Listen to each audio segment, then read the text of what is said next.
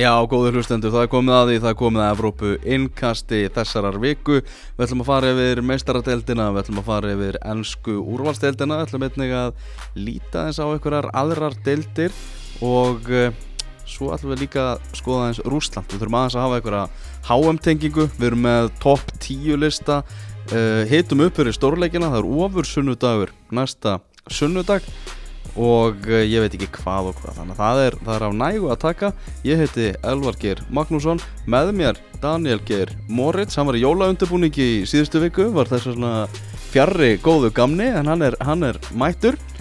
Heldur betur. Ég fekk nú góða menn til að fylla þetta skarð.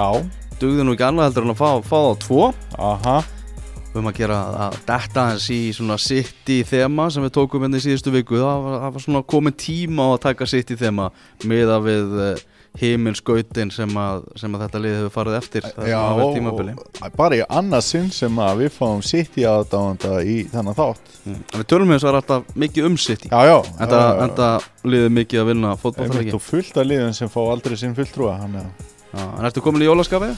Já, ég verð nú að segja það Ég er nú komin í heldur mikið jólaskap og, og hérna, ég er jólabann Mm -hmm. og hérna já, það er óhætt að segja ég sé komin í hellings jólaskap sko. þú tekur bara jólin allalið Já, nú tekum maður jólin alla leið og hérna það eru tónleikar á Þú lögadaginn erum með jólatónleika, það er jólastressi Við erum búin að, búin að ræða það eitthvað, eitthvað, eitthvað, eitthvað í þessu En nú er komið að því nú er, nú er nefnilega komið að því sko. Þetta er bara á lögat Þetta er núna á lögadaginn Þannig að í næsta engasti þá munum við upp að ræða um hvernig tókst til. Já, og svo segjum við þessar umræður lokið sko. En hérna uh, gaman að segja frá því að það er uppselt á sýninguna sem þú ert að fara á. Já þetta eru tvenni tónleikar. Eru tvennir tónleikar á lögadaginn 17 og 20 og það er uppselt klukkan 20 en þá miðar eftir klukkan 17 reyndar þá er daldið heppilegt að ég á tvo miða á tónleikana klukkan 20 sem að ég ætlaði að gefa hérna í bytni í podcastinu. Já. Þannig að ég ætlaði eiginlega bara að opna fyrir síman þegar ég kunni númerið og aðtóða hvort einhver hingi inn. Já, halló. Já, hver er það? Já, hvernig Já, heyrðu, byrjum þetta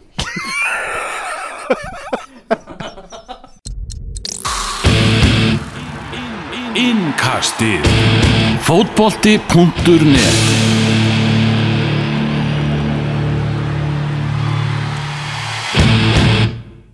Já, þannig er nú það. Alltaf gaman að fá Dotta litla til að kynna okkur til leiks en Elvar ákværi viltu byrja svona í umfjöllun kvöldsins. Ég var að spája að byrja á hérna Hefjum leika á einum topp 10 lista? Fyrst við tvo Já, um að gera byrja á einum. Já líka því þeir tala saman sko, þessi listar. Mm. að það er kannski ágætt að byrja á öðrum og, og svona jafnvel enda á hinnum eða allavega svona geima hans út vel inn í þáttinn. Við erum að tala um uh, lista sem að fútból 3, 6, 5 settir saman. Mm -hmm. uh, Báði listandir. Uh, Fyrir listin er topp 10 leikmenn í ennsku út- úrvalstildinni sem eru fyrir utan topp 6 liðin. Já, uh, og þá er verið að tala um framistu á þessu tímabili. Já. Og hér og eftir fáum við síðan 10 vestu leikmennina mm í efstu 6 liðun -hmm. þannig að þetta svona speiklast skemmtilega. Mm -hmm. en byrjum á þessu, það eru, það eru þeir sem hafa verið að standa sér vel utan efstu liða. Já, uh, það er í tíundasæti maður sem heitir Mario Lemina. Já. Veistu hver það er? Sáþónleikmaður heldur betur, þetta er, þetta er Gabon maður mm -hmm. sem að mætti til Southampton og hann er bara strax búin að festa sig í sessi. Tók Já. ekki langan tíma að aðlast ennska bóltanum Já. Og gengi Sáþón bara verið viðunandi á þessu tímabili hann er, hérna, hann er vel að þessu komin Já, kom frá Juventus þessi ágætti maður. Já. uh, Í níunda seti er Steven Defour Já, vannmetinn maður. Já. Leikmaður börnlega ekki satt? Mm Þú setur hann í vannmet, vannmetnalistan Já, ég meina annars fær hann, fær hann ekki á svona lista. Veist, ég er ekki að tala um hann ætti að fara í, í hérna, byrjunarliði í stórliði en hérna, bara góða leikmaður. Já, Belgi sem að eh, kom til uh, börnleg frá Anderlegt fyrir árið 2016 Já. Uh, og, en einn belgin sem að hérna, er að berjast um landslýsæti Í áttundasæti er Abdullahi Dukore Hvernig segir maður trúna það? Já, þetta er bara flott hjá þér Er það ekki? Jú, Dokore Ah. Hann hefur verið á skotskónum fyrir Watford Mm. og hérna einn af þessum svona hraustu leikmennum og hérna með góðan skotfót til dæmis. En eitt leikmaður sem að Marco Silva er að láta blómstra. Já, því líka meistari. Já. Í sjöndasæti mm. er Mikael Merino. Já. Ok. Newcastle, mm Spánveri Það er Var kannski svona aðeins minna fyrir honum finnst manni heldur en þeim sem er búin að telja upp? Mm Við höfum minnst á hann áður í, í engastinu Já, kom, kom, kom svona sterkur inn. Já. uh, ekkert að því að hafa þannig þessum listan uh, Svo er það í sjöndasæti Kristoffer Schindler. Já. Það líst mér vel á. Miðvörður Huddersfield. Og það eru hérna uh, það eru bara fimm sem eru ofar á lista yfir tæklingar á þessu tímabili heldur, heldur en hann Það er að segja fjölda tæklinga frekar en velhefnaðar Já, Já, myndi að halda það. Um mitt enda, enda, enda þjóðveri. Já, Ok, nú eru konið top 5 já, Í fimmta sætt er Pascal Gross. Já, Ein, ein af kaupum kannski sumarsins. Já. Svona meða við allt. Sterkur svona hóluleikmaður. Mörk í honum og, og stóðsendingar mm Brighton kefti sko átta aðalisleikmenn í sumar. Mm. Fimm þeirra kostuðu meira heldur en, heldur en Gross og hinn tveir koma á láni. Já, þannig að já, ger, gerði ágætlega vel hann já uh, Í fjórðasæti mm. Jamie Vardy. Já, þú þekkir hann svolítið já, já.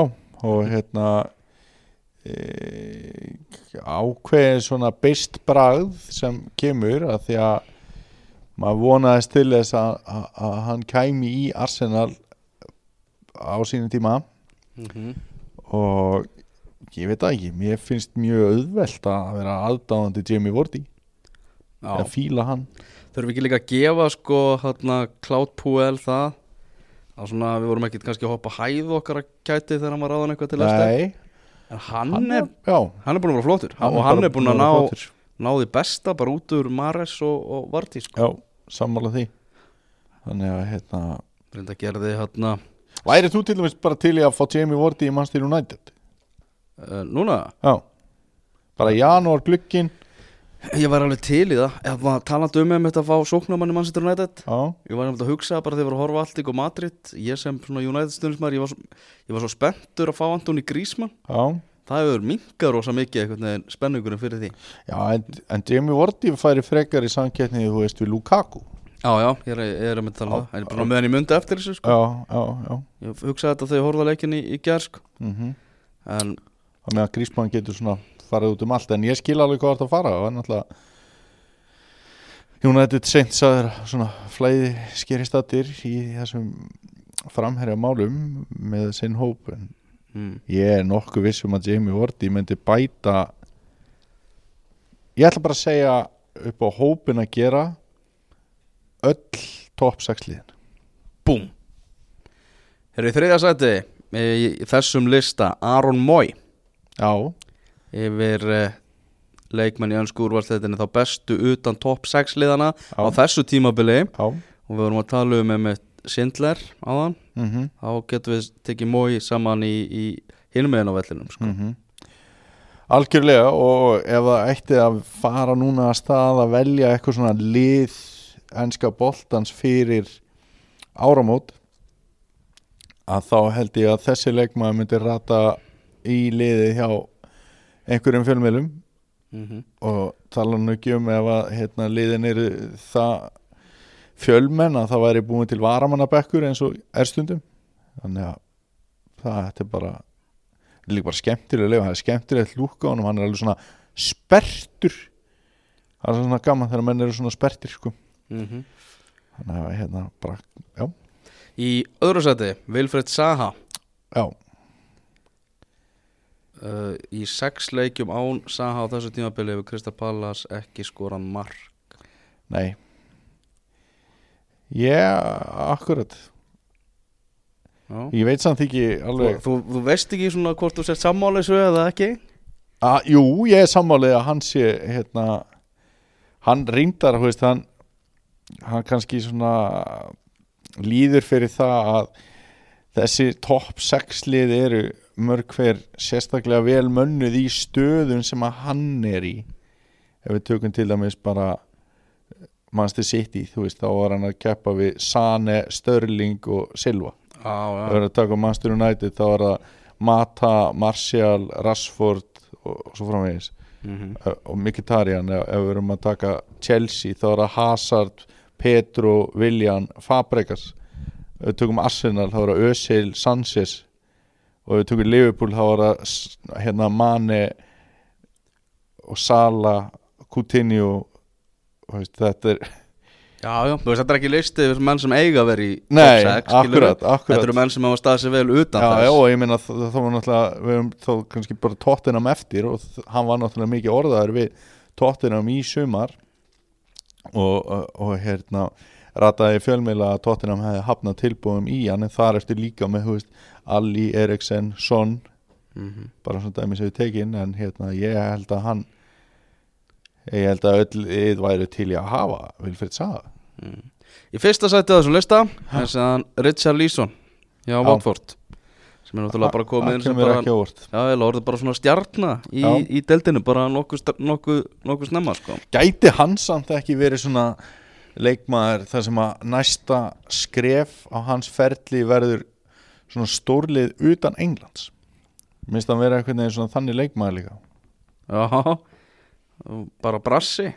Það, það Akkurat, við veist, hann hann alveg eiginlega líklegri til þess að fara í Real Madrid eða Juventus frekara heldur en Manchester United. Og eins og margi brassar það kemur hann náttúrulega með sögu á bakkinu úr, úr fátakrakverfi og, Já, og, hana, og alls konar vesenni sem að hann ólst upp við. Auðmitt Já, þetta er, þetta Já, meðan þetta er skemmtilega listi. Var svona finnir leikmenn hann inn á milli eins og Stefán Tufur og eitthvað svona. Mm en hérna svo svona annað sem að maður líka hérna að setja Jamie Vorti og veist, Mares er ekki á þessu lista. Hann hefði geta verið hana Lanzini kannski veist, það er alveg svona. Það er svolítið verið að skoða svolítið skemmtilegum öfnanda sko. Það er svolítið verið að hug, reyna að hugsa út fyrir bóksið uh, Vendum okkur yfir í meistaratöldina Riðlakjarninni er formlega lokið. Uh, Alltaf gaman að meistaratöldinni En það verður bara að segjast eins og er að það var bara leiðilega lítil spenna í lokaumferðinni í, í Mhm. riðlunum. Á flestum ykstum var þetta, var þetta ráðið Það var hætta í kvöld eitthvað á því að, að Leopold myndi sitja eftir En svo var svo sannarlega ekki Nei, því að Liverpool vann 7-0 sigur á móti Spartak Moskú við byrjum bara á þeim reyðli byrjum á, á erreðlunum uh, á saman tíma gerði Maribor og Sevilla 1-1 jafntefli. Uh, já og Liverpool vinnur þennan leik 7-0 og við vorum svona aðeins að, að skoða síðustu úslit hjá Liverpool í ennsku úrvarstildina á á, og þeir hafa einfallega bara verið að rúlla yfir sína anstæðinga, kemur þetta jafntefli síðan á móti Chelsea. Mm en þessu utan hefur þetta verið bara frá því í oktober þannig að þeir hafa verið að, að, að fara illa með, með sína menn. Já, já, en einhver er ástæðan fyrir því að þeir eru jafn langt frá toppsætinu í ansku úrvalsleitinni já, og augljósast ástæðan er einfallega bara vörnin. Og, og svo má líka setja spurningamerki við hugafarið eins og sést kannski leikamóti Sevilla og svona að það sé ekki 100% Einmitt, það var líka í deildinni að hérna, fram að og með þessum leik á móti tóttinam að þá var Liverpool ekki heldur að skora neitt sérstaklega mikið. Þannig að hérna, vörnin einhvern veginn fekk alla aðteklina en það voru líka brotalamir í sóknarleiknum. Herri, það er aðeins búið að laga það. Já, þetta er bara marka veisla. Hvað skiptir sem sem enn mæta? það var, svona, það var smá tókstreita hjá manni fyrir þessi leik móti eh, hjá Liverpool í kvöld. Mm. annars vegar að hérna, við elskum svona hið óvænta og þegar að verður eitthvað svona uppsett í veist, það er bara, það gerir fótboll svona skemmtilega þannig að það var ekkert neginn svona aðeins það að maður bara svona býti, er eitthvað svona þannig að fara að gerast veist, það er í geggjað. Að því að hérna, fótballin gengur líka út af það þó að mann, ég er reyndar mér fannst það aldrei líklegt með Liverpool. En svo er það hitt meistara deildin með ensklið og þá kannski ekki, og alls ekki síst með Liverpool innanbors er skemmtilegri keppni. Já, það er bara meiri líkur á því að maður horfa á leiki ef að, að Liverpool er að spila. Veist, það er bara þannig að er þannig bara með flesta fótbolta áhuga menn sko. Þú varst með, þau vorum með að tala saman fyrir það, þú varst með svolítið svona áhugaverða pælingu með enskuliðin Já, að, að bara fimm lið fóru áfram. Það var kannski ekkert áhugavert það, er átta leikir, átta viðröknir í 16 úrslitum. Það þýðir náttúrulega það að það eru ennskliði í fimm þeirra. Mhm. vegna þess að þegar dreigi verður á mánudaginn klukkan 11.00 fyrir þá sem var að pæli því Já, þá nokkuð ljóst að náttúrulega þú getur ekki mætt uh, liði frá sama landi í Mhm. drættunum og liðin sem að unnu sína riðil að mæta liði sem lendi í öðru seti í sínum riðil akkurat.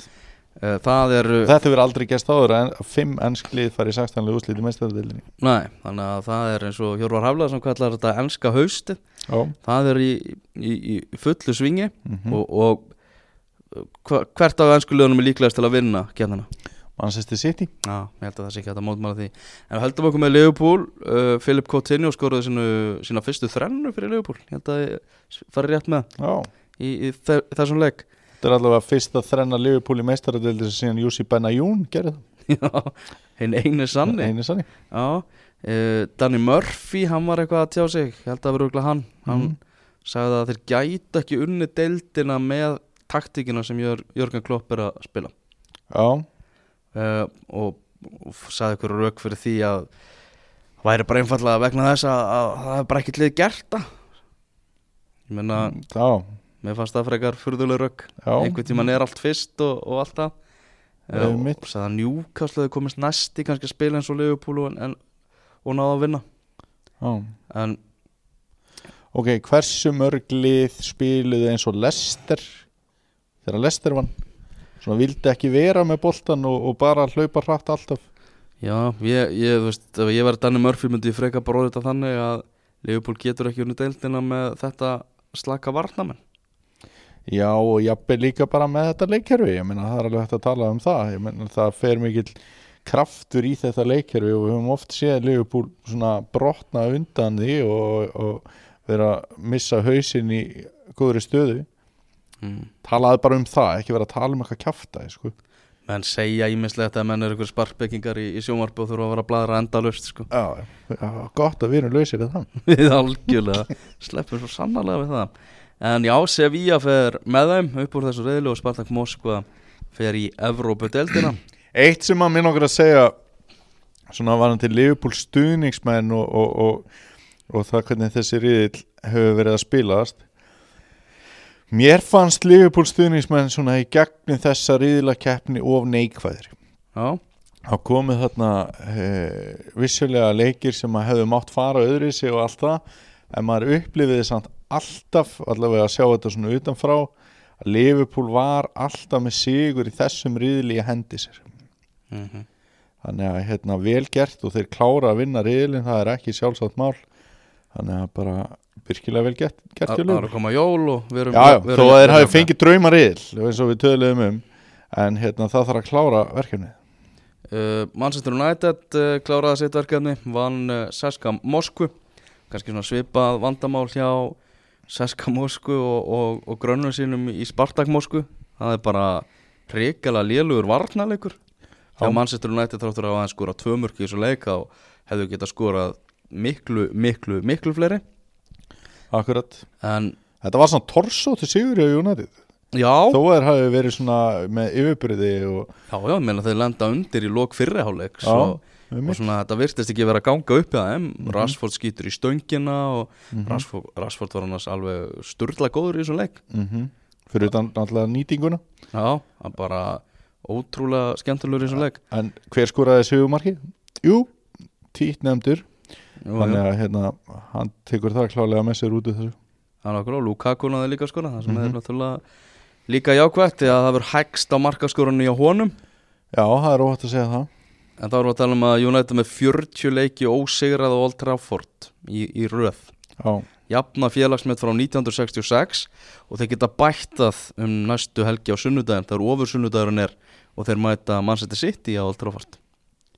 Það er- Við komum nánar að þeim leik á eftir. Já, það er nú eiginlega bara þannig. 40 leikir, hvað? Það er þetta bara rugl. Það er rosalega vel gert. Um, Maðurinn sem mest er talað um uh, í þessu leik er Luke Shaw.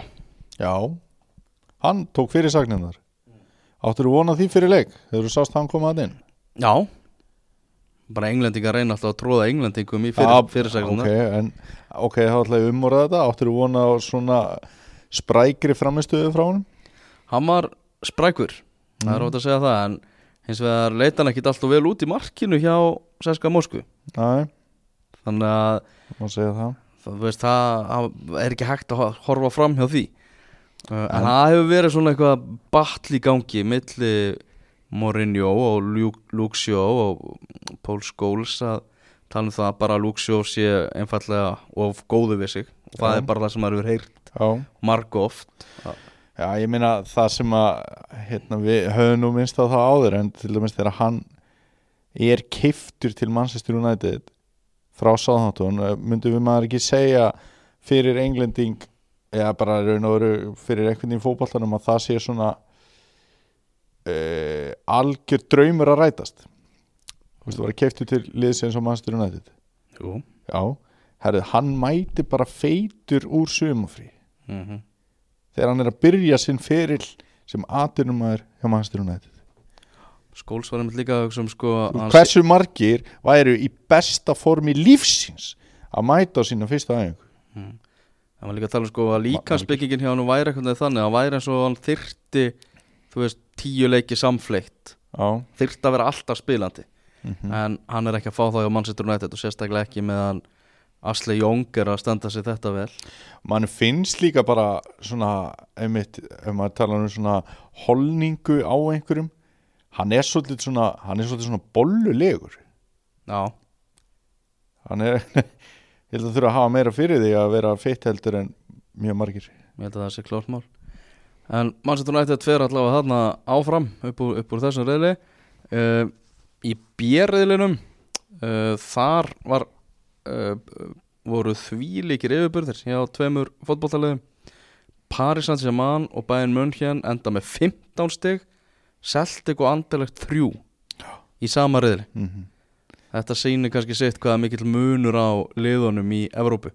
Skemmtilegt samt að hérna bæði góðu liðin vinna hvort annað og lélögu liðin vinna hvort annað þannig að lélögu liðin voru eiginlega jafn léleg og góðu liðin svona jafn góð. Það var eitthvað svolítið ef þannig við sko. út í það er farið þannig að Já, já. Nei, ég held að séu ekki, séu ekki margir með hökuna í gólfinu yfir því hvaða lið fara áfram á þessum reyli og Paris Saint-Germain er náttúrulega eru þeir líklegastir til að vinna meistaradildina í veitur eða? Ég myndi segja það, ásamt ásamt uh, Manchester City. Ég ætla að setja þessi lið tvö og jöfn. Ef ég væri eða bara veðbanki Elvas Mm -hmm. þá myndi ég hafa þessi tvö lið jöfn. Veðvar, Já, það það nafn. Já, ég, En þú veist, allar að fara, allar að fara með alveg í það að hérna, þessi lið mætast í úrslitaleiknum nema að þau mætist fyrr? Já, þú veist Ég er ekki komið stuðla það. Þetta eru er tvö líklustu liðin til að vinna þetta mínum að eins og, eins og, eins og eru að spildag Já, ég bara tek undir það Herðu, sérriðilegin Þar er uh, endaði Chelsea á því að gera jafntefla mot Alltík Madrid Mhm. og misti þar af leiðandi af öðru sætinu, Mhm. nei fyrsta sætinu Mhm. og endaði öðru uh, Róma tók eins og er sigur í riðlunum, Björn Már Ólafsson til hamingi með það. Alltík Madrid situr eftir Mhm. og vorum að tala um Antoni Grísmann á hann hann tvittaði eitthvað þegar var búið að draga í riðlana byrtan mynda riðlinum og bara eitthvað like-putta og, og, og alls konar og bara Já. þetta líst mér á. Það enda af því að Alltík Madrid fór ekki áfram og, og strax komna sögur um það að Grísmann verði jafnvel bara seldur í janúar klukkanum í kjölfarið á, á því. En það sem að ég klúður þessu fyrir Alltík Madrid er það að þeir skýta á sig í leikjunum á móti Karabak Já, þeir gera, gera það er það Þetta, er líka ekki sigurvegari riðil sem að e, neitt bjóst við ekki held að einhverjir hafi búist í því að Róma hafi getið farið áfram en ég held að afar fáir hafi búist í því að þeir myndi vinna þennan riðil mm -hmm. það er það frekar að það kæmi eitthvað kæmi eitthvað svona stjóra vesen hjá Chelsea sem að við höfum nú nokkru sinni síðan frá því að við byrjum að fylgjast með fótbolta sem myndi svona leiða af sér eitthvað tortrygni og, og, og hérna eitthvað svona fótbolta þrótt sem að var nú ekki það er alls ekki hægt að segja það og Chelsea er náttúrulega bara í góðum málum. En við bara sem hérna, hef sagt það áður og segið það aftur þetta er fagnaðarefni fyrir fótballta unnendur og allir tíka Madrid leiðindin séu ekki á leiðinni í 16 liða úslit en eitt helvitis árið sko. Þeir eru mættið til þinna manna í Arsenal bara bjótið á velkomna. Já, þeir algjörlega og hérna, í Evrópu deltina ástriðun á 50 já. Og eins kaldaðanislegt og að kannu hljóma en þá hérna, veist, þá er skemmtilega að fá þá svona stórt lið í það. Þá keppni. Þannig að hérna, það, er ekki jafnleiðilegt að vera með þar í, í, í Europa League heldur en í, í mestardildinni Herðu, þá er það djeriðillin og uh, þar erum við með náttúrulega lið sem heitir Barcelona sem fer áfram með, með 14 stig mm -hmm. uh, Juventus með 11 sem að, sem að fylgja þeim á eftir uh, Lionel Messi, kannski skjóta það að það, það er hérna vondafrétti fyrir hann því að Ronaldo er að fara að jafna hann á morgun það kemur að Ballon d'Or gull Já. knettunum því að það er, vist, það er eitthvað eitthvað fjölmjöla sem fullir að það að, Ronaldo muni hljóta gullboltan sem kemur kannski ekki óvart í ljósi þess að hann vinnur La Liga og vinnur meistarateltina með Real Madrid og hérna ver titilinn í Þú veist, það er ekkert smá afreg og hann fer náttúrulega fyrir Real Madrid í því mm -hmm. uh, er, Já, er þetta ekki bara árið hans Ronaldo? Þú veist Það er ekkert endilega verið að tala um veist, hvor þeirra hafi verið endilega betri á þessu ári heldur, heldur þá ráð, ráðast úslitin oft á svona hvor, já, hvors árið þetta er. Það er samt fárlegt að vera að tala um þetta svona. Þú veist, það er bara eins og annarkvar þeirra vinni alltaf. Það er svo þannig. Það er samt þannig. Og Ronaldo hann vann meira heldur en Messi og þar að leiðandi vinnur hann þetta. En ég held að við séum að fara að sjá breytingu á þessu. F-riðill þar er Manchester City uh, sem vinnur riðilinn enda með, með 15 stig. Sjaktar Donetsk fylgir þeim eftir og það er ansi vel gert til Sjaktar Donetsk að ná að enda fyrir ofan Napoli. Uh, mikil vombriði hjá Napoli að að komast ekki áfram og þau með þess að töpu fyrir Feyenoord mm í, í kvöld en að Napoli endar í þrija sæti það ekki? Já, þeir fara í en, það er nú ekkert smálið líka að fara þangað inn. En þeir eiga svo sannarlega áttu svo sannarlega bara ekki skilið að fara áfram með að við svona sína framistuðu í mestaradeildinni nei, nei, og gaman að fá svona lið eins og Sjatkar, Sjatkar hérna áfram. Eitthvað svona aðeins öðru sí Svo er það geriðillin og ég held að þú sért ekki sammála með það þú hefur alltaf viljað Napoli frekar. Já, alltaf. Besikt, það sem er 14 steg og Porto 10 sem fara áfram úr geriðli Við höfum ekki eitt miklum orðum í- þann riðil í engastun og breytum því ekki hér. Uh, Háriðil, já, þar náttúrulega skeit Borussia Dortmund. Já, Borussia Dortmund enda með 2 steg Jafnmörg steg og Apoel frá Nikosi já. En Dortmund með betri, að skárri innbyrðisviðregnir Mm fer hann fer áfram í Európa-deltina. Þetta er alveg ríkali niðurstaða hjá Borussia Dortmund. Sterk lið að fara í þessa Európa-deild maður. Já, En já, mikil vonbrið en ég, hérna, þetta kemur mér cirka nulla óvart og við vorum ekki sammála í okkar spám svo ég minnist á það kemur ekkert óvart bara tóttina með unnið riðil Jú, kemur það ekki óvart? Vorum við ekki alltaf að fara að sjá Real Madrid vinna þannig reyðil Jú, það var svolítið meira þannig. Tóttina vinnur riðilinn. En ég er að tala um að, að Dortmund siti eftir sko Við erum bara, stóra sagan í þessu er bara hvað Tottenham eru mættir í meistaradildina Við höfum verið að býða eftir þessu. Og, og þeir voru bara besta liðið í riðlakeppninni af þessum fjórum. Það er bara, ein- taflan lígur ekki og, og hérna frábæri leikir í reyðlakeppninni hjá tóttinum Já, þú ítrekkar það alltaf í riðlaketninni, í riðlaketninni því að það er bara niðurtúr hjá þeim í deltinni. Deildinni, já, nákvæmlega Þar hefur þetta ekki alveg, alveg verið að- virka og Pochettino meðal hans tjóðsum það að, þessi leikur á móti Real Madrid í meistaradeldinni Já, að það er eins og menn hafa einhvern veginn svona ofmetnast aðeins einhvern veginn í kjölfarið. Mm farið upp í bleik skí og, og bara einhvern veginn haldið sér þar. Uh, Annað líka sem við höfum talað um að, að hérna, þegar hérna, Danir tryðu sig á HM þá var Kristján og- að vísta að púpa sig all hressilega og ég meina ef þú ætlar að taka alvarlega og, og hérna, keira á þetta og, og í kjörstöðu þá kannski er þetta ekki alveg að því. Það er náttúrulega ekki hjálpað þeim að það hefur verið skörði í vörninni. Tóbi Aldervereld náttúrulega meittur Já, uh, Davinson Sanchez fekk, fekk raukt um daginn. Já. Og, og er að fara í, fara í bann.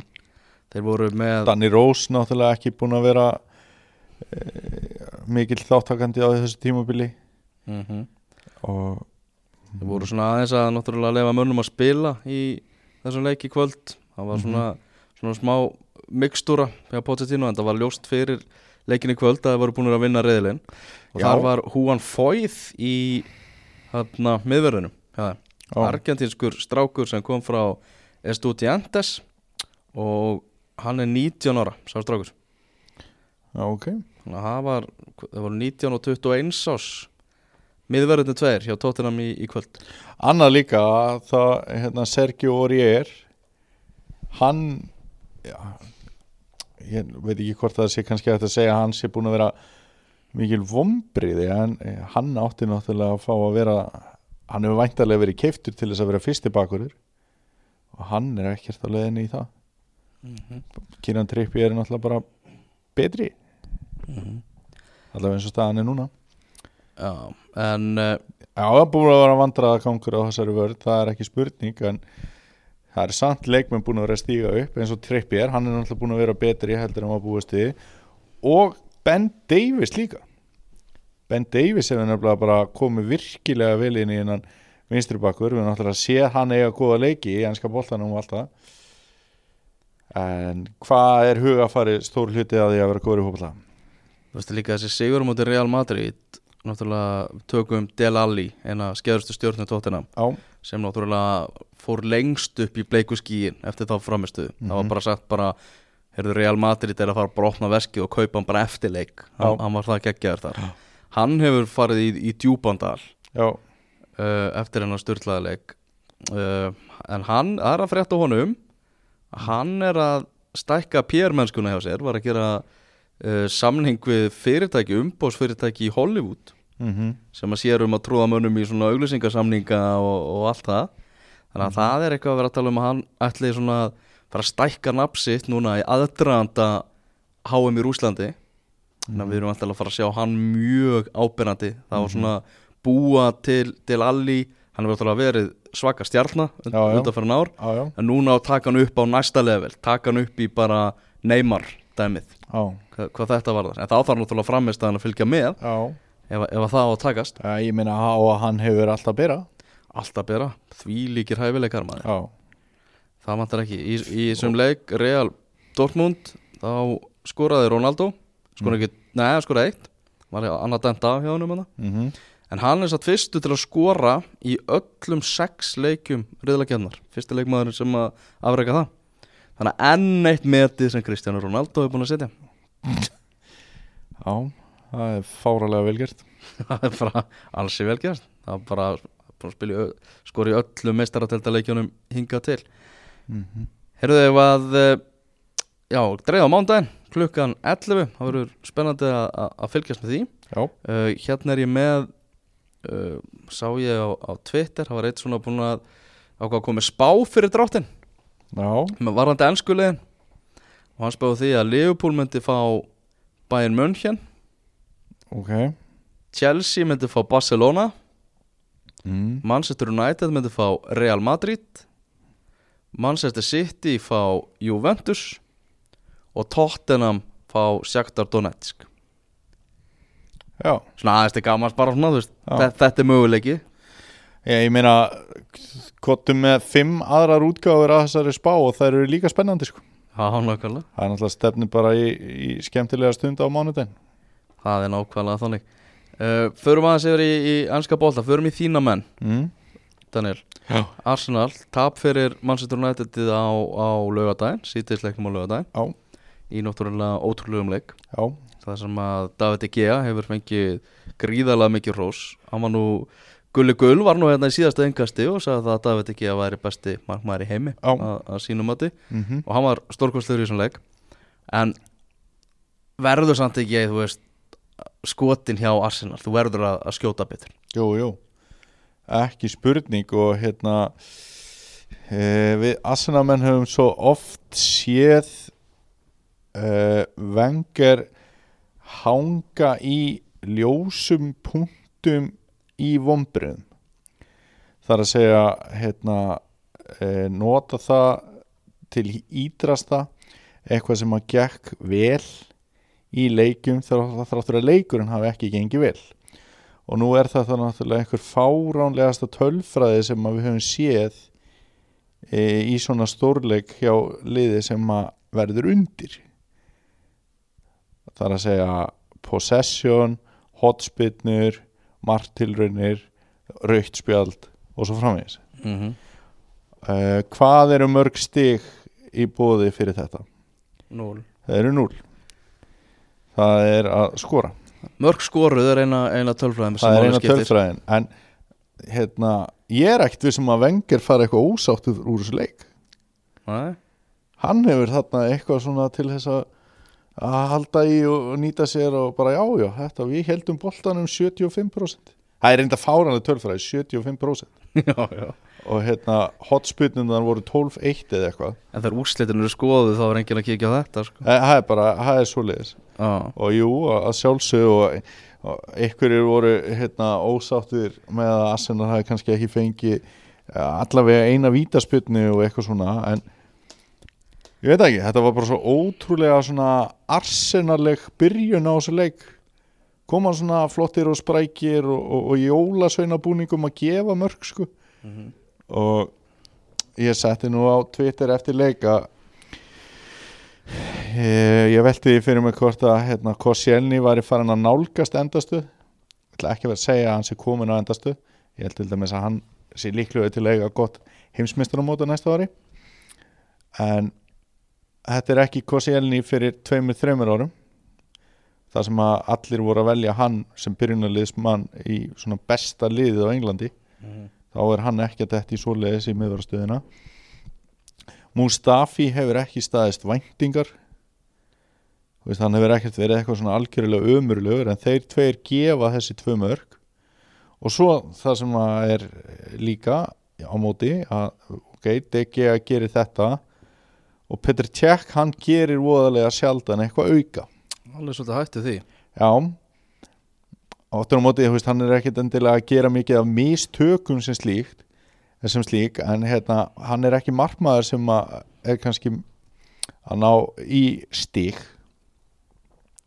en það varði hann ekki eftir þessar gjafir. Átti kannski, veist, ég er ekki að segja að þetta hefur honum að kenna, en þú skilur hvað er að fara. Mm einhvern tímann hefði hann bara varið og einhvern tímann hefði DG að varið, uh, já, til dæmis nokkur sinnum í þessu leik. Það þarf að endun í það, múltu að segja það. Já, Það ég í Sko, ég Já, það þarf að fara að leggja drög sko. og ég velti því fyrir mér þegar ég horfði á Juventus spila í gær. Og sá þar markmann í Juventus búning taka keppnis útlaup og hann var það hugaður í því að hann meitti sig við að mér þessu og svo bara bítið á jakslinn og, og, og hérna, haldið áfram. Þú veist hvað það er? Það er Það er- sésný Já, það var hann að spila. Já, Já, og menn hafa svolítið verið að velta því fyrir sér hvort að þetta sé ykkur mestu afglöp vengers í starfi. Að hafa látið hann fara. Mm uh, það er alveg líkur á að hann verið aðalmarkmaður Juventus á næsta tímabili Mhm. þannig að ég veit ekki. En að leiknum sem slíkum að hafa náttúrulega bara ég held að það sé ekkert ofsögum sagt að Arsenal hafi verið óheppið að fá ekkert út úr þessu leik þrátt fyrir að hafa ekki skoti betur og, og, og DG að tekið þessa vörslur. Þá er ekki hægt að segja að leikurinn hafi eitthvað verið vittlust lagður upp eða eitthvað svo leis uh, Pól Pogba var gjössanlega frábær í þessu leik. Og uh, það er bara svo leiðis að þegar menn spila svona og leikurinn þróa svona þá eru bara úslítinn sangjöld sko. og þannig að mistókst svona kjöri tækifæri til þess að blanda sér inn í þessa baráttu.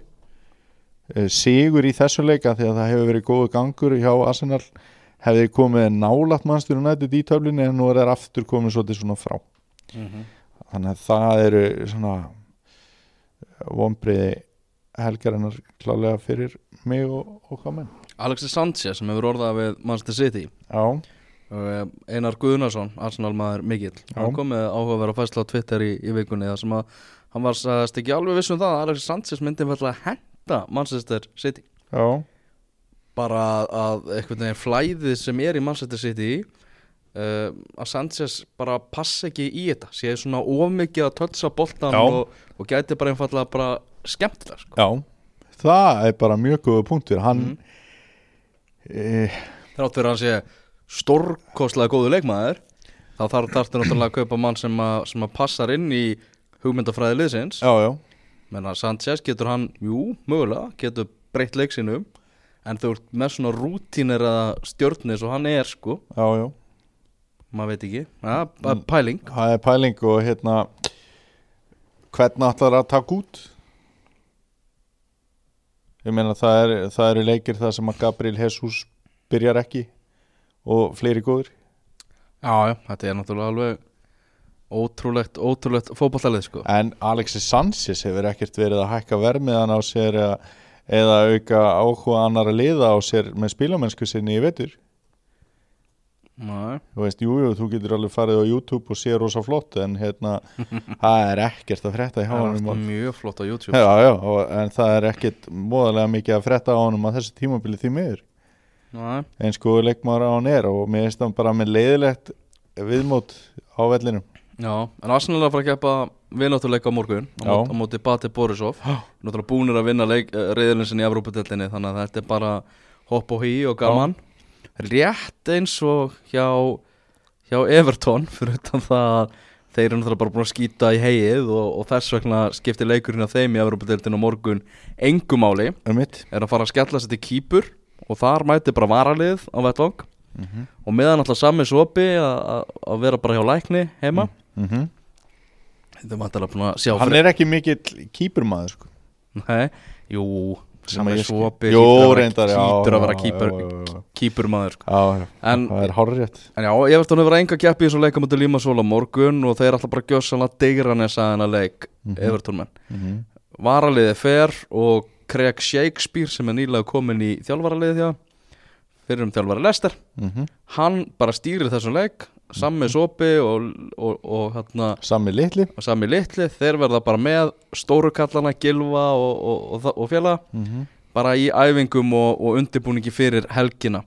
Og ég svona fyndið eitthvað eh, að, að, að opinber skýring á því að, að Sam Allardas fari ekki inn að leik er svo að hann eigi læknistíma Já. og hafi átt hennar læknistíma pantaðan þegar hann tekur við Evertón þannig að þeir hafi vitað af honum en ég ætla nú að giska á það að maður sem er með herri laun heldur en þjálfari Real Madrid. Mhm. samanlátaðis geti nú alveg fært læknistíma aðeins til og jafnvel bara ráðið enga lækni sko.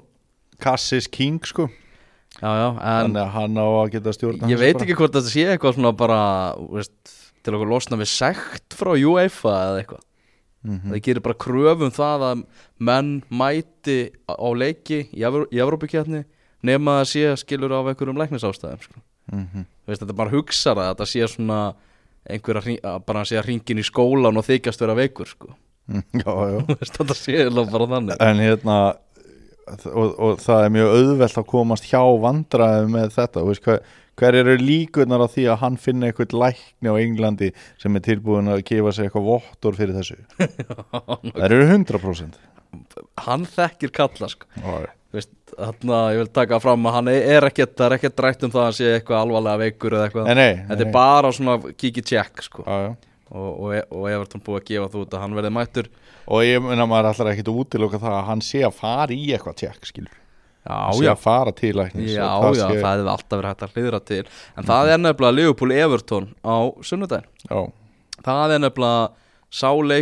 er það er alveg skiljalegt með að við hvernig uh, Liverpool er uh, gýrað þessa dagana.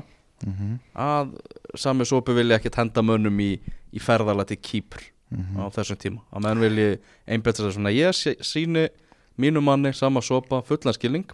Mhm, uh, það er svona það sem er í, er í gangi um helgina. Uh, Vestham er að fara að keppa móti Chelsea og það er að vera að tala um það að Joe Hart verði á bekknum hjá Vestham já, David Moyes er ekki búin að fara vel á stað með Vestham ekki úslitalega séð. Næ, þú vilt meina það að séu, séu, séu jákvæða breytingar á, á spilamennskunni já og bara áhuganum og, og hérna mér finnst þeirra smá svona stemning og Sigur Master City á Vestham var afar torsóttur. Mm.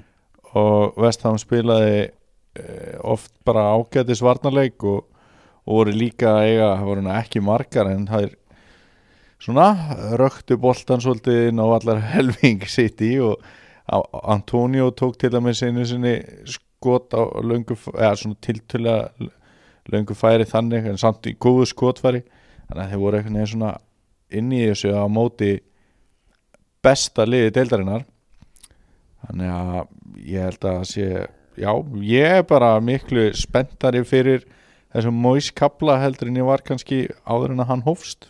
Mm og, og hérna það verður aðeinsvært að sjá hvort þeir ná að gera eitthvað á móti Conte og Chelsea. En þetta sem ég er að tala um með, með Joe Hart er það að hann átti, hann Adrian Spánverjan bara flottan hann leik átti á mjög góðan leik. á móti sitt í og, og skiljanlegt að Moyes hugsa hvort að það sé ekki bara betra að hafa hann í markinu heldur en Joe Hart. Hart fengi mikla gaggrinni og, og, og þetta er náttúrulega ræðilegt fyrir Hart því hann er, hefur sjaldan verið jafn óörugum með sæta sitt í ennska landsliðinu líka. Mm því að Jordan Pickford er, farin að banka þar í og Jack Butland líka. Þannig að uh, Gareth Southgate er ekkert að fara að láta Joe Hart spila á HM í Rúsland á næsta ári ef hann kemst ekki í lið hjá Vestam nei og maður spyr sig jafnvel um fleiri, ég meina Ben Foster er hann ekki betri en Joe Hart? Mm -hmm.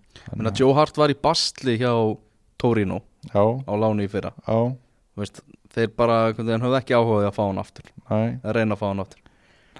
Uh, og Pep Guardiola vill ekki hafa hann. Næ, og síðan er hann dottin á, á bekkin hjá Vestham ef, ef satt reynist. Já. Þannig að já, þetta er hann hefur átt betri í dag að Joe Hart. Já, hann hefur nefnilega átt betri í dag. Það er alveg skarplega aðtúaðar og það er mann fannst þetta vera oft svona svona þessi svona næst á eftir þessum allra bestu. Já, og bara virkilega góðu markmaður en hann, einmitt, hann bara lenda á vegg. Hann lendi heldur betur á vekk já. Uh, Börnlegin verið að gera magna hluti. Uh, þeir mæta Votford um helgina það er áhugaveruleikur já, tvö lið svona sem hafa, hafa komið óvart. Já og ég ætla að leiða mér að segja bara tveir svona af skemmtilegustu stjórum deildarinn er að mætast. Já, ég ætla að það er mjög öðvelt að vera Sjón Dæsmaður og ekki öllu erfiðar að vera Silvamaður þannig að hérna og þetta er líka svo ólík lið þó þessi bæðan á árangri og oft voru tilbúinir að leggja allt í sölunar til að skora þrjú fjögumörk í leik. Á meðan börnlega er tilbúið að leggja allt í sölunar til að verjast í að fá þessi þrjú fjögumörk í leik og, og hérna þægilegt fyrir Jóaberg að vera að spila bara nánast eins með Börnlegi og íslenska já, landsliðið. mjög gott. Mjög gott og, og hérna og hann var náttúrulega mjög mikið vinstra megin þegar hann var að spila fyrir þetta tímabil hann að þegar hann verið settur hérna hægra megin og hann er bara alltaf að finna sér betur og betur þar og nýtist betur þar og hann hefur verið að standa sér rosalega vel. Mm þannig að hérna, þetta getur verið mjög skemmtilega leikur. -hmm. Þetta gæti líka orðið ógeðslega leiðilega leikur. Þetta er svona þannig, þannig stemning sko. ég minni ég samt aðeins minni trú á því. Ég held að þetta verið skemmtilega leikur. Já, algjörlega. Herðu, Manchester United, Manchester City. Hann er á sunnudaginn. Uh, Ef ekki að ræða hann bara? Jú, Ég setti að þau heima á hennu já, Ég var að fatta það núna, ég er ekki með liðið sem ég sett upp. Þannig að við látum þitt bara duga. Nei Þú lítur að muna þitt. Nei, ég má það ekki. Er Það ekki? Ok, þú verður þá bara að koma með svona eitthvað á móti í mínu liði. Já. Við, Það er sammeðlut lið Manchester United og Manchester City sem við settir upp. Já. Ég ákvað að hérna við myndum stilla okkar liðum upp í fjóri Já, fjóri það var svolítið að hamla mér samt líka. Já, Þegar ég var búinn að stilla upp þegar ég sendi á þig sko. Þú, þú átt ekki að ráða hvernig hinstjórin stillir upp sko. Það er sann skemmtilega að menn eru með sama sko. Með sama jú. Herðu, ég- þá hérna, sko þetta lið myndi öruglega að fara í einhvers konar tígur með því samt sko. En allavega í markinu er David De Gea. Samanlega því Algjörlega sammála því Hann Ok. myndi vinna alla aðra. Ok, ok. Hægri bakurður er Kyle Walker. Ok. Samanlega því? Myndur þetta Valencia frekar? Já. Ok, ekki samanlega því. Miðverðir eru Otta Mendy og Stones. Ok. Þannig að þú ert komið með þrjá city menn hana Og það, já. John Stones Þarna Ég held aldrei að hann er þetta góður hjá Manchester City Ég var Nei. að veikja það Og, Otta Mendy er líka búin að stíga heldur betur upp Já, algjörlega Hann átti svona erfitt uppdráttar eftir að hann kom fyrst Og það eru mörk í honum mm Og hérna Walker er búin að vera sínar líka rosalega vel Af hverju hann var keftur í Mhm. Pep Guardiola bolta Með þessum springjum sínum sko. Ertu að hugsa svolítið þegar þú setur þetta upp Hvernig gýrin er á mönnum í dag Nei, Ekki? Ekki bara, nei. Þannig að þú bara delur það að þessi Til dæmis er John Stones ekki búin að vera að spila sko. Já. Þannig að, Til, þú telur að þessi báðir séu betri heldur en Erik Bæ til dæmis? Já. Ok. Vinstri bakurður Vinstri bakurinn, þá komum við að því að það finnst mér vera svona veikleiki þessari liða. Mendy er til dæmis keftur og er búin að vera meittur næstuði alveg síðan. Geðað skemmtilegur á Twitter Já, og svo he, he, við vorum náttúrulega að ræða sjó áðan. Þetta er búið að vera miklu leiti svona vandraða staða hjá United. Margir sem hafa verið prófaðir í þessari stöðu og svo leiðis Það er bara búið, búið að vera fastur maður í þessu. Já, og hann er í þessu liði. Það er Asli Jung Já. ég setti hann í vinstri bakurinn ég held að hann sé besti kosturinn úr þessum tveimur liðum í þá stöðum Sammála. E, á hægri kanturinn setti ég Kevin De Bruyne á vinstri setti ég David Silva. Á miðjunni setti ég Paul Pogba. Og svo vannmettnasta leikmann í þessum tveimur liðum það er Fernandinho. Það náttúrulega fram að Paul Pogba er ekki að fara að spila leikin á sunnudaginn. Akkurat. Þar sem að hann eh, tekur út leikbann og það munar rosalega miklu því að Já. þetta er að bara hefur sést vel á United hversu óhemmi mikilvægur hann er. Já. en hann er, já, þú far úr hann er ekki í banni hjá þér þegar Nei. kemur að það setja saman. Akkurat Síðan er ég með hérna Sergio Aguero og Romelu Lukaku. Já. Það, það er ekkit annað. Það er ekki pláss fyrir Jesus, Störling Markus Rashford. Marcus Rashford, Juan Mata já, Liro Sane Nemanja Matic. Já. Vistu, við gætum sett upp lið sem Þú gæti átt náttúrulega þú veist bara að það er svo rosalegur möguleikar en það sóknarlega. Já, að það væri bara þú veist, bara hendur tveimur í vörn eða eitthvað sko. eiginlega sko. Það er eiginlega svolítið En þannig það, þú veist, að vera með Walker og Young sem hérna bakverði, ég meina það var alveg hægt að finna varnasinnaðari bakverði. Mm -hmm. uh, David Silva er hann besti leikmaður í sögu Manchester City? Uh, nú erum við að tala um það. Já uh, Hvað rankar Aguero í því? já, hann lítur að vera það bara skamt undan. Já, þú hefur átt að spyrja hefur átt að kominga og spyrja gulla gulla þessum já, í síðasta þetta já uh, Sigur gegn Manchester United og City jafnar met yfir flesta, bíddu, sigur, flesta, yfir flesta sigra í röð já, uh, 14 sem að Arsenal átti 2002 Já, það er geggjað hjá þeim sko. Mm. En hérna eitt, já veist, sem er ágætt að taka saman í lokin svo við bara klárum þetta með þetta lið Mm. þá er staðan 8-3 fyrir Manchester City Já, en það er Manchester City uh, eru þeir ekki 8 stigum? Á undan Manchester United? Já, þannig að þetta passi vel.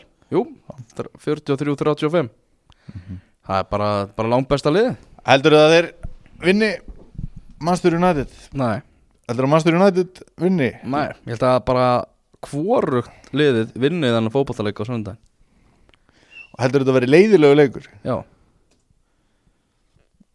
Ekki horfa á þetta það er náttúrulega rosalega margir leikmenn sem að geta bæði gert þetta leiðinlegan leik og skemmtilegan leik því að styrkleikarnir eru svo miklir í, í bæði vörn og sókna og bara svona við vitum það líka báðir að Guardiola fer sáttur með stig úr þessum leik Já, já, ég held að það, það er alveg klárt mál sko. á meðan Mourinho Þá, þá er Manchester United ekkert að nálgast Nálgast hann sko. Á, á meðan Mourinho kannski ekki jafn sáttur. Nei, nákvæmlega. Herra það var hérna uh, í þessum leikja á City í meistardöldinni í kvöld. Þá var Phil Foden að, að byrja. Já, Hann er yngsti England, englendingurinn sem byrjar meistaradeildarleik. Mm Þetta er gríðarlega efnilegu strákur sem var valinn með maður mótsins þegar England var heimsmeistari úr 17 ára lega spilaði hérna móti Vestham á lögatarsveldurum -hmm. fyrir þá sem að, sem að muna eftir því Mhm. þannig að það er það er ansið gott en það var uh, annar leikmaður í hanska U17 ára landsliðinu uh, sem að var einn af stjórnunum sem er hann Brewster hjá Liverpool sem var Mm. markakongur en hann var í frétturum í dag einnig Mhm. og það var af neikvæðum orsökum því að hann var fyrir kynþáttanið í leikjag Spartak Mosku í Evrópukeppni unglingalega Mhm. uh, og það var þannig að uh, það þurftu liðsfélagar hans og starfslið þurftu að halda af bara haldunum eftir að leikunum var flautaðir af. Því að hann var bara það reyður strákurinn. Og það var talað við dómaralegsins og Leopold ætlar að senda ofinbara kvörtun til UEFA en þegar þessi sömulið mættust í keppnin í Moskvu í september þá var annar leikmaður Leopold fyrir kynþáttanýð og þá úr stúkunni við erum að tala um að þetta eru bara, þetta eru bara pjakkar já, að spila hana uh, og þetta hlýtur að náttúrulega vekja ákveðna spurningar því að þetta er Spartak Moskva og við erum að tala um HM í Rúslandi já, og kynþáttafordómar í fót, á fótbolltaleikin þar. Já. Hafa verið talsvert í umræðan undanfæranar og meira að segja þá hérna þó að ég bara óskið þess heitt að það sé ekki eitthvað sem við upplifum en við gætum verið í dauða færi að upplifa þetta í riðli okkar Íslandíka þegar Ísland spilur á móti Nígeríu. Mm -hmm. og þetta hefur náttúrulega oft fyllt leikjum sem eru þarna fyrir austan og þetta er einhver umurlegasta hlið fótballtans Nú sér, sér þetta þannig í þessu dæmi þá sérðu leikmann í unglingaliði Spartak Moskvu og svo áhorfanda í hinuleiknum áhorfandur þetta er, þetta er bara mjög ljótt og, og svona ákveðni ljótir blettir sem að voru í sviðsljósinu í aðdraðanda háum í Rúslandi í dag og í gær. Það sem að náttúrulega uh, Vitali Mutko mhm var settur í lífstíðar bann frá afskiptum af olimpíuleikum mm. hann var íþróttamálar á þeirra 2014 mm en hann er núna forseti undirbúningsnefndar HM í Rúslandi -hmm. hann er komin í árspann frá olimpíuleikum vegna uh, Livja Hnexlis kerfisbundi Livja misnótkun Mhm. rúsneskra íþróttamanna Mhm. en FIFA sendi frá sér tilkynningu og sagði að þeir var alveg meðvitaður um þetta en töldi að þetta hefði ekki neinn áhrif á, á undirbúningin og þau myndi ennþá vinna eftir sama sömu stefnu að búa til besta íþróttamót sem mögulegt var á í Rúslandi næsta sumar. Já, og það var hverki minnst á þennan á, ágæta mútkó næ, sem að satt bara fyrir svörum á fréttamannafundi fyrir dráttin á föstudaginn. Sá, sá fréttamannafundur tók hins var aðra stefnu en þeir höfðu vonast til því að þarna var uh, var mættur það voru mættir breskir bladamenn sem Mhm. að spurðu einfallega bara út í þessa Livia misnótkun og þetta Livia neyksli sem að hefur verið að, að, að, bara hrista vel upp í rúsnesku íþróttalífi þar sem náttúrulega leini þjónustan er búin að vera heilma yfir þetta og, Mhm. og þetta, er, þetta er bara Þetta er sóðalegt mál sko. þetta er nefnilega alveg vel sóðalegt en áfram heldur Mútkó mm. og þetta er spillingamál og, og, og fótbolti það er eiginlega bara mjög leðilegt hvað þetta blandast rosalega mikið saman. Já, það sem að hérna er eh, svona grifja sem er svona auðvelt að detta í og, og nú kannski nálgast maður þetta líka út frá bara svona lífsleikni skástrík heimsbyggi sjónamiðum það er að finnast þetta hérna að vera svona ljóður á knassbyrninni það er að segja eins og kynþáttafordumar uh, kynþáttafordumar í knassbyrnileik endur spekla ekki endilega knassbyrnumenningu heldur menningu. Þú veist, þetta er af því að það er skýta menning í þessum málefnum í Rúslandi þess vegna kemur þetta tvísvar með stuttum millibili inn í fótboltan af því að það er svo auðvelt að hugsa einhvern veginn svona já, hvað er eiginlega hægt að gera svo að hérna, þetta sé ekki í fótbolta þú veist, þá út frá FIFA og svo framvegis. Og ég held að við getum nú verið saman um það að það er eitthvað hægt að gera og fótbollin hefur alveg gert eitt og annað en þetta er bara miklu stærra samhengi heldur en bara hérna, verið að sparki fótbolla mm og það er fleiri svona mál eftir að, eftir að koma upp á yfirborðið og, og, og fleiri svona umræði aðdraðanda HM í Rúslandi, ég held að það sé klárt mál. Það held ég líka Þetta er og, ekki og bara þetta dansa eftir að vera á öðruglega á þetta eftir að vera í á heimsmesturumótinu sko. vonum samt ekki. Já, vonum svo ekki, algjörlega. Herðu, tíu vestu leikmenn í ennsku úrvalstildinni top 6 liðunum. Já, og uh, þetta er þú varst ekki múin að segja mér neitt þarna? Nei, ég fekk aðeins að spæja hérna, byrjunin á hinu listanum en ég er mjög spenntur. Mm, fútból 365 sett þetta saman.